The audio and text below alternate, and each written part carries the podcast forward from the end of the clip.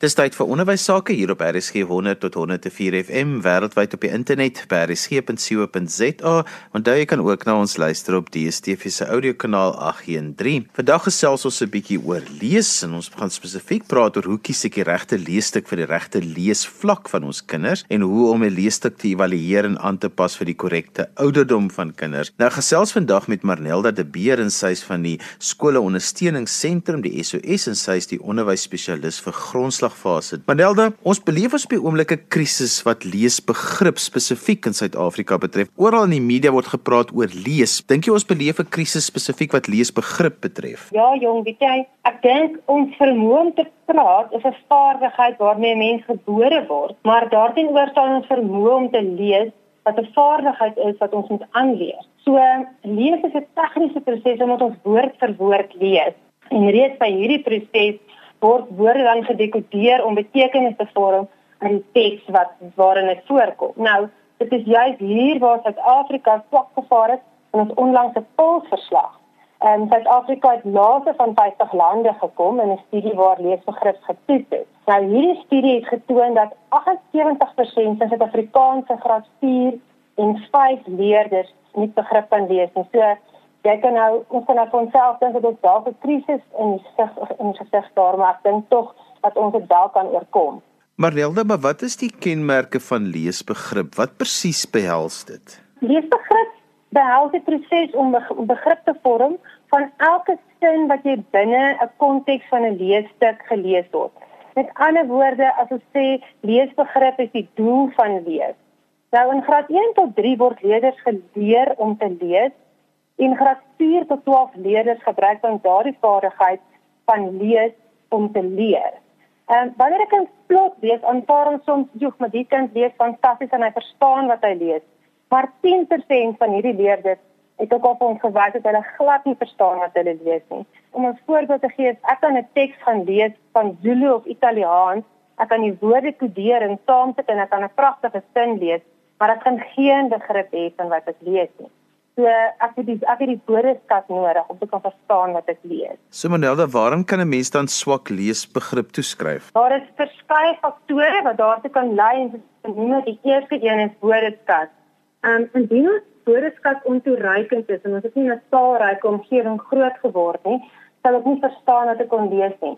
As ek dan na die woordeskat van Italiaans of Zulu gehad het, sou ek dan die woorde kon verstaan en dan sou ek die teks kon verstaan nie.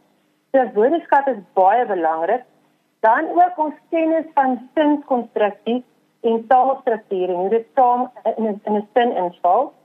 Dan wat die volgende baie belangrik is, ons motivering van lees. Ons leerders wil nie lees dit is 'n bose kringlip waar ons verval dat ons sê ek hou nie van lees nie en daarom lees ek nie omdat ek nie lees nie, hou ek nie van lees nie en daardie motivering van lees, daardie kringlip moet ons dan verbreek. En die ander baie belangrike ding is wat by die motivering van lees beïnvloed, is die inhoud van leesmateriaal. Seuns en dogters lees verskillende goed. Byvoorbeeld dogters hou van stories en romanse, waar seuns hou van feitelike goed, soos die Guinness World Book of Records. Hulle kon dit eerder wil lees. So as jy kyk na dit is albei aspekte aanspreek, ehm um, as ons kinders se leesbegrip wil verbeter.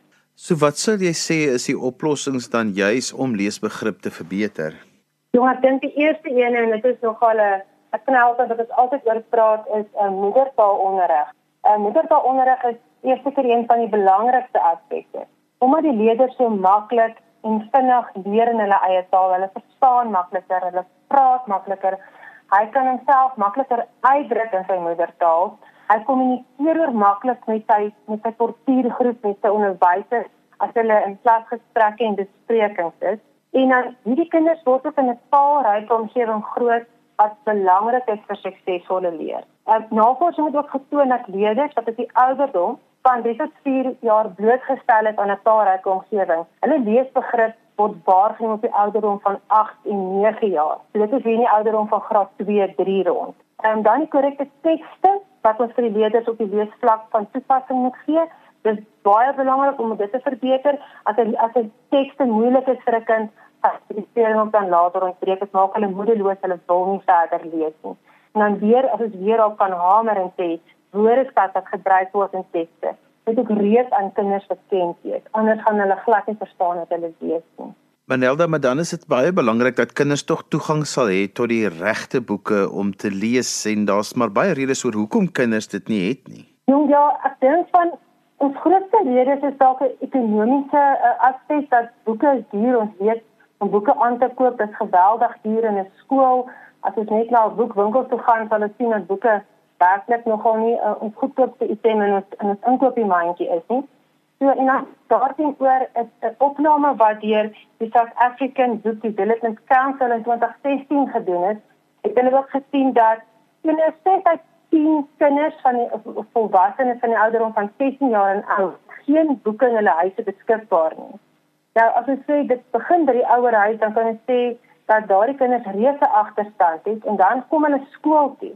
Nou baie van ons skole besit 'n media sentrum Maar van hierdie biblioteke of media sentrums is nie altyd so funksioneel nie. Klasvoor is byvoorbeeld gebruik vir nog 'n klas in die skool en daar is nie meer 'n aangestelde persoon, 'n juffrou of 'n meneer in die klas wat uitsluitlik net op uh, die biblioteek boeke en die onderrig daarvan um, gespesifiseer word en ge, gebruik word nie. En dan die boeke word nie in stand gehou nie. Niemand kyk dat dit ingeneem word nie. Dit is vernieuw en verwaarloos en baie argaïese leesstof word dan ook so opgeneem want die geld wat daarvoor geallokeer word word dalk in 'n skool gebruik vir iets anderste en ek dink ons ons leeskultuur moet tog wel ook daar in ons skole uh, begin posvat. Manelda baie keer dink ouers maar hulle het geen rol regtig te speel in hulle kinders se lees nie want eintlik is die skool mos veronderstel om my kind te leer lees. So watter rol speel ouers in die leeskultuur wat geskep word rondom kinders? bly die ouers se verantwoordelikheid om hulle kinders aan boeke bloot te stel. Ehm taalonderrig begin ook juis by die van geboorte af. Ouers het baie met hulle kinders gestel wat vir hulle boeke voorlees, wat vir hulle boeke ehm um, koop. Ons sal sien kinders doen wat ouers doen. Jy kan na 'n enige 4-jarige, 3-jarige kind se vryspel gaan kyk en dan sal jy sien wat doen mamma en pappa by die huis en waaroor praat hulle. En ons sal beswaarlik kan sien dat ouers regtig boeke lees.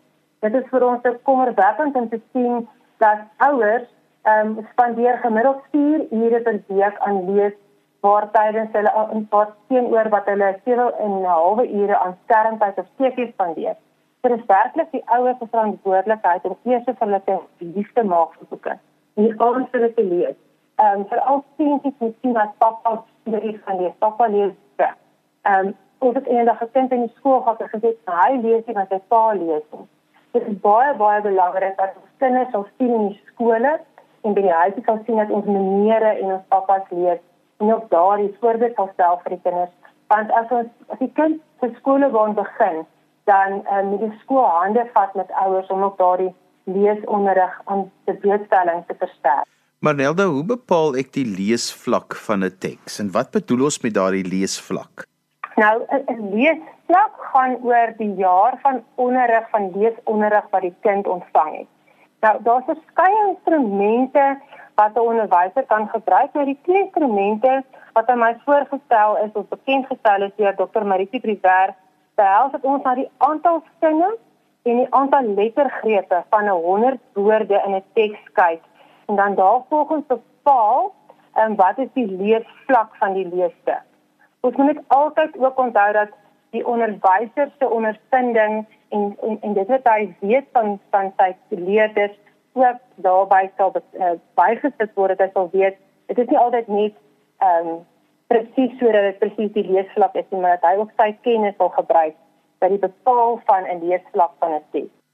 Manella is daar so half 'n uh, duimsuig tipe van as dit soveel lettergrepe soveel sin is wat so half mense 'n riglyn kan gee om te sê dis min of meer waar die vlak lê of is dit 'n tabel waarop 'n mens werk? Hoe gaan mens daarmee te werk? Die die twee grafieke of of waarmee ons wat ons al bekend is mee die een is die vraai grafiek en hy werk is op 'n grafiek basis met 'n x en 'n y uit waar jy dan bepaal die aantal lettergrepe teenoor die um, aantal sinne wat in die, in die teks gebruik word en dit word dan aangedui by x en die y vlak en daar waar hulle mekaar skei val dit in 'n sektor wat vir jou dan sê dit is die lees vlak van die leeste. Ons moet ook onthou dat ons ehm um, leesvlakke van leesonderrig val gelukkig saam met ons aantal jare van leesonderrig. Ons is veronderstel om met leesonderrig in graad 1 te begin. So die eerste vlak van daardie tabel sal dan wees graad 1 leesstof. Manelda, so hoekom is dit belangrik om tekste op die regte leesvlak te gebruik en moet ek baie keer bietjie bo of onder dit gaan? Wat is die riglyne daar? Ons moet ook onthou dat ons moet kyk dat lees tekste wat ons vir ons kinders in 'n vraestelle en in werkkaarte en dis meer gee, is nie net in ons Afrikaanse huistaal of tweede taal van toepassing nie. Elke vak in die kurrikulum wat ons aanbied, ehm um, vereis ook leesvaardigheid.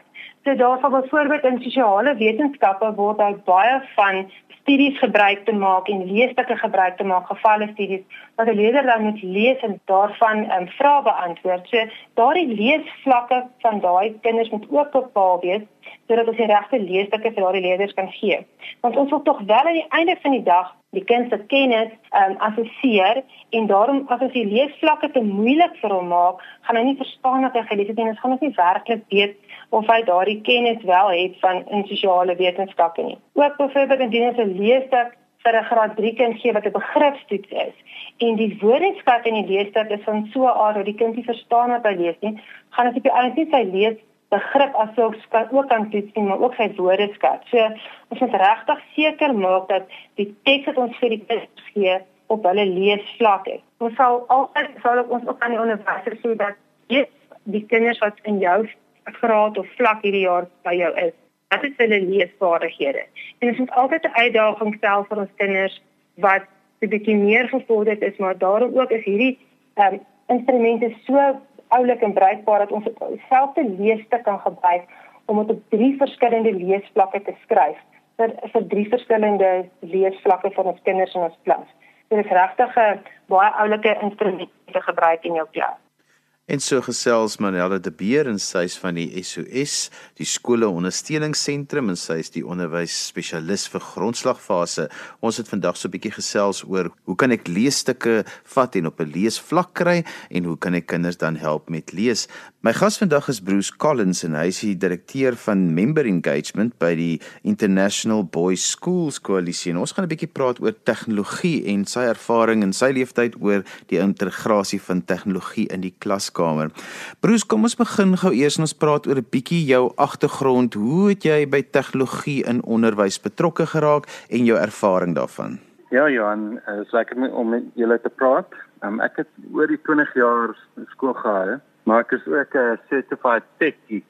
Ek het altyd gedink dat daar miskien plek is vir tegnologie in die onderwys en in die klaskamer. So ek het baie goed probeer en uh seker so 2011 2012 het dit nou groter geword en iPad het um, in die dinge gekom. Ek het gedink hierdie goed gaan uh, werk in die klaskamer. Ehm um, so ek het 'n hele klomp goed uh, probeer en ehm um, dit het dit alles begin het. Bruce, maar jy het in die begin gesê dit was lekker en dan toe op 'n stadium toe begin daar allerlei probleme uitkom en dat dinge nie aan julle verwagtinge voldoen het nie. Vertel 'n bietjie vir ons van julle ervaring daar. Ja, so ehm um, ons het 'n span van so 8 mense gehad wat in passievol hierdie tegnologie geïntegreer het in die eerste jaar wat ons dit gedoen het. Ehm um, so daai eerste jaar was eintlik 'n uh, 'n incredible ervaring. Ehm um, en ons het gedink dat dit goed gewerk het. Toe die program gegroei het in die volgende jaar en die jaar daarna, het ons baie probleme gevind. Ons het meer onderwysers gehad wat met die program betrokke was en hulle was nie so passievolle tegnologie soos die ag van ons wat dit begin het nie. En ons het ooit gedink dat die kinders daarvan baie gaan hou, maar ons het meer en meer van hulle gehoor dat hulle eerder papier wil gebruik en dat die tegnologie vir hulle distracting was en en sulke goed. So ons het meer daaroor begin dink en besluit dat miskien werk dit nie so goed as wat ons uh, gedink het sou gewerk het nie. Ons het ook uh, gedink dat ons gesien dat uh, van die maatskappye wat uh, die tegnologie uh, op skole druk is, jy weet uh, hulle is daarin vir die geld en uh, en baie van die goed wat hulle gesê het oor wat werk, um, het nie in realiteit gewerk nie. Uh ons het ook gesien dat uh dit baie tyd gevat het om vir die ehm um, kinders hierdie goed te doen and we had the same um, impact. En ook ons het gevind dat baie onderwysers ehm um, druk gevoel het om om die tegnologie te gebruik en ehm um, en sodoende het hulle nie genoeg gevoel nie. Bruce, maar daaruit het julle toe ook agtergekom dat 'n mens baie mooi moet dink voordat 'n mens tegnologie in jou skool integreer. Daar's 'n klomp lesse wat julle geleer het wat ek nogal graag wil hê jy moet met ons luisteraars moet deel. Ja, so ek dink die, die groot eerste les is is dat uh baie keer doen 'n mens iets en ehm um, en jy dink dit gaan werk, maar dit werk nie. En voor jy daai ding eintlik kan doen of doen, is dit beter om om om om research te doen of daai ding gaan eintlik werk of nie. Ek dink van die lesse wat ons geleer het is dat baie mense of die selfsie maatskappye wat tegnologie wil integreer in skole gaan vir jou sê dat ehm um, tegnologie en ehm um, baie engaging is vir die leerders. Een van die goed wat ons geleer het is dat uh, tegnologie ehm um, is eintlik nie educationally engaging nie. Ehm um, en eintlik as jy na die na die research kyk, is daar heelwat ehm um, mense wat sê dat dit eintlik kinders se as ek die Engelse woorde kan gebruik, attention divide en dat dit negatief is vir kinders in die klaskamer. Ehm um, ons het ook geleer dat 'n uh, kinders se uh, understanding is nie eintlik deur tegnologie uh, dieper gemaak nie in spite van die feit dat baie mense glo dat dit eintlik uh, dit doen. So ons het as as ons na die research gekyk het, het ons baie lesse geleer. Ander ding wat vir ons uitgestaan het is ehm um, dat baie van die edgy celebs rave so oor die feit dat tegnologie kan help met collaboration en en ander van die ehm um, 21ste eeu se se skills wat ehm um, kinders met met handhaaf maar eintlik jy kan daai goed develop sonder tegnologie. En so die vraag wat by ons opgekom het, hoekom doen ons hierdie tegnologie ding? Is dit om goed te lyk en om bells and whistles in ons klaskamers te hê of ehm um, maak dit eintlik 'n verskil? En ons het agtergekom dat dit maak nie eintlik 'n groot verskil nie. As jy nou ehm um, die research kyk ehm um, in die res van die wêreld, is daar baie weak link tussen tegnologie gebruik en um beter doen 'n eksamen. En so baie van hierdie goed het ons laat dink en ons het aan die einde gedink dat ons meer thoughtful moet wees oor die proses en hoe ons tegnologie integreer. Ek dink skole kan nie van tegnologie af wegkom nie want dit is deel van die wêreld op die oomblik maar ons moet meer thoughtful wees hoe ons hierdie tool integreer. Bruce, net so ten slotte, jy's nou weer jy het uit basies uitgeswaai met die pendulum dat jy so half negatief op 'n stadium was met oor tegnologie, maar nou is jy al van die middel. Waar bevind jy jou nou oor tegnologie in die klaskamer? So ek dink Ehm um, soos ek gesê het, ehm um, skole moet baie goed dink oor hoekom en hoe hulle die tegnologie integreer en ek dink hulle moet tegnologie integreer, maar ek dink hulle moet dit soos I always talk about a toolbox. En tegnologie is een van die tools wat 'n skool of 'n onderwyser kan gebruik. So ek dink leiers in die onderwys moet baie gefokus wees op die targeted use of technology. Ehm um, in vir jonger leerders, ehm um, veral moet ons daai tegnologie limit. Ehm um, die die research sê ons moet eintlik vir die jonger leerders nie baie ehm um, blootstel aan tegnologie nie. Ehm um, ook dat skole baie goed moet dink oor hoe hulle dit integreer en ook dat skole tegnologie moet sien soos die soos die wêreld daar buite tegnologie ehm um, sien. Dat dit net deel van elke dag is en nie iets waar oor of waar op jy hulle skool kan maak dit nie of op julle perspektief kan sit nie maar dat daar baie meer menslike maniere is om tegnologie in 'n skool in te integreer. Want die probleem is baie skole gebruik hierdie um fourth industrial revolution en technological revolution as 'n manier om te sê dat hulle 'n goeie skool is akademies, maar dis in baie situasies nie die feit nie. En so gesels Bruce Collins en daarmee het ons gekom aan die einde van vandag se ons in die onderwys. Onthou jy kan weer na vandag se program luister as 'n potgooi. Laat dit af by resgep.co.za. daarmee groet ek dan vir vandag tot volgende week van my Johan van Lille. Totsiens.